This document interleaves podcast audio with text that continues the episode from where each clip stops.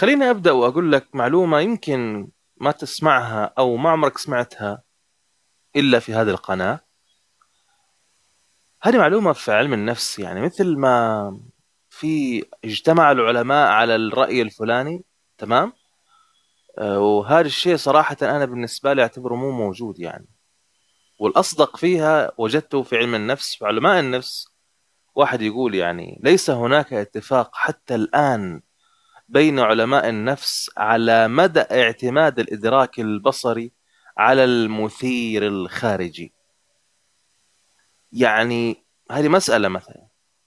مسألة أخرى كان الإشراط الكلاسيكي أحد أشهر أعمال إيفان بافلوف وأكثرها تاثيرا وقد أدى إلى ثورة في العلم النفسي السلوكي وتقوم فكرة الإشراط الكلاسيكي على التعلم من خلال الربط بين الأشياء. يعني عشان ما نتوه ونضيع كثير يعني نبسطها.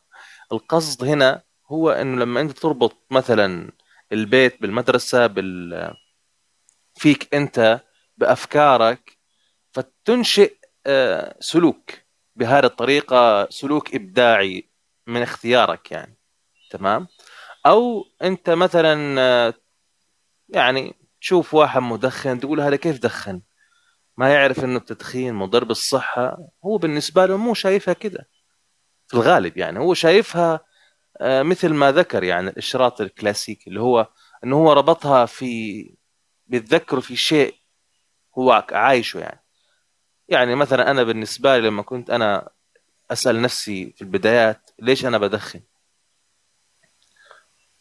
فلقيت لأني أنا رابط التدخين في شيء ممتع. إيش الشيء الممتع فيها؟ هذا يضر الصحة.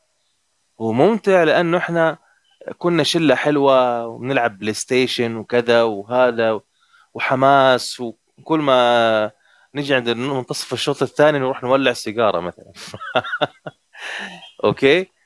السؤال المهم هنا بما إنه العلماء في علم النفس هم ما عندهم اتفاق جماعي حتى الآن يعني كل واحد قاعد يملي بوجهة نظره حول اعتماد الإدراك البصري. ان أنا مدرك اللي شايفه هذا ما راح يأثر على الأحداث الخارجية اللي تصير يعني.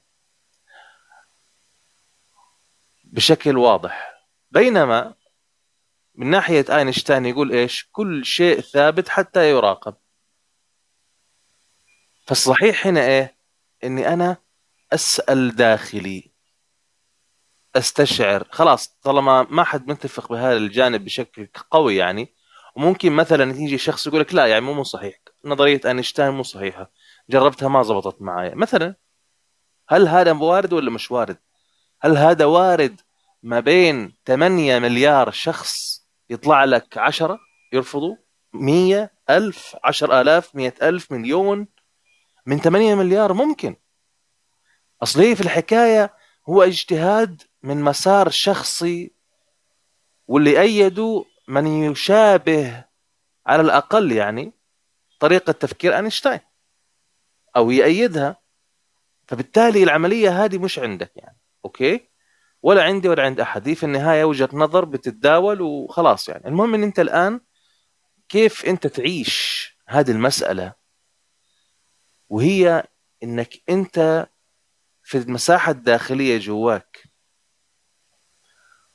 نفسك كيف شايفها؟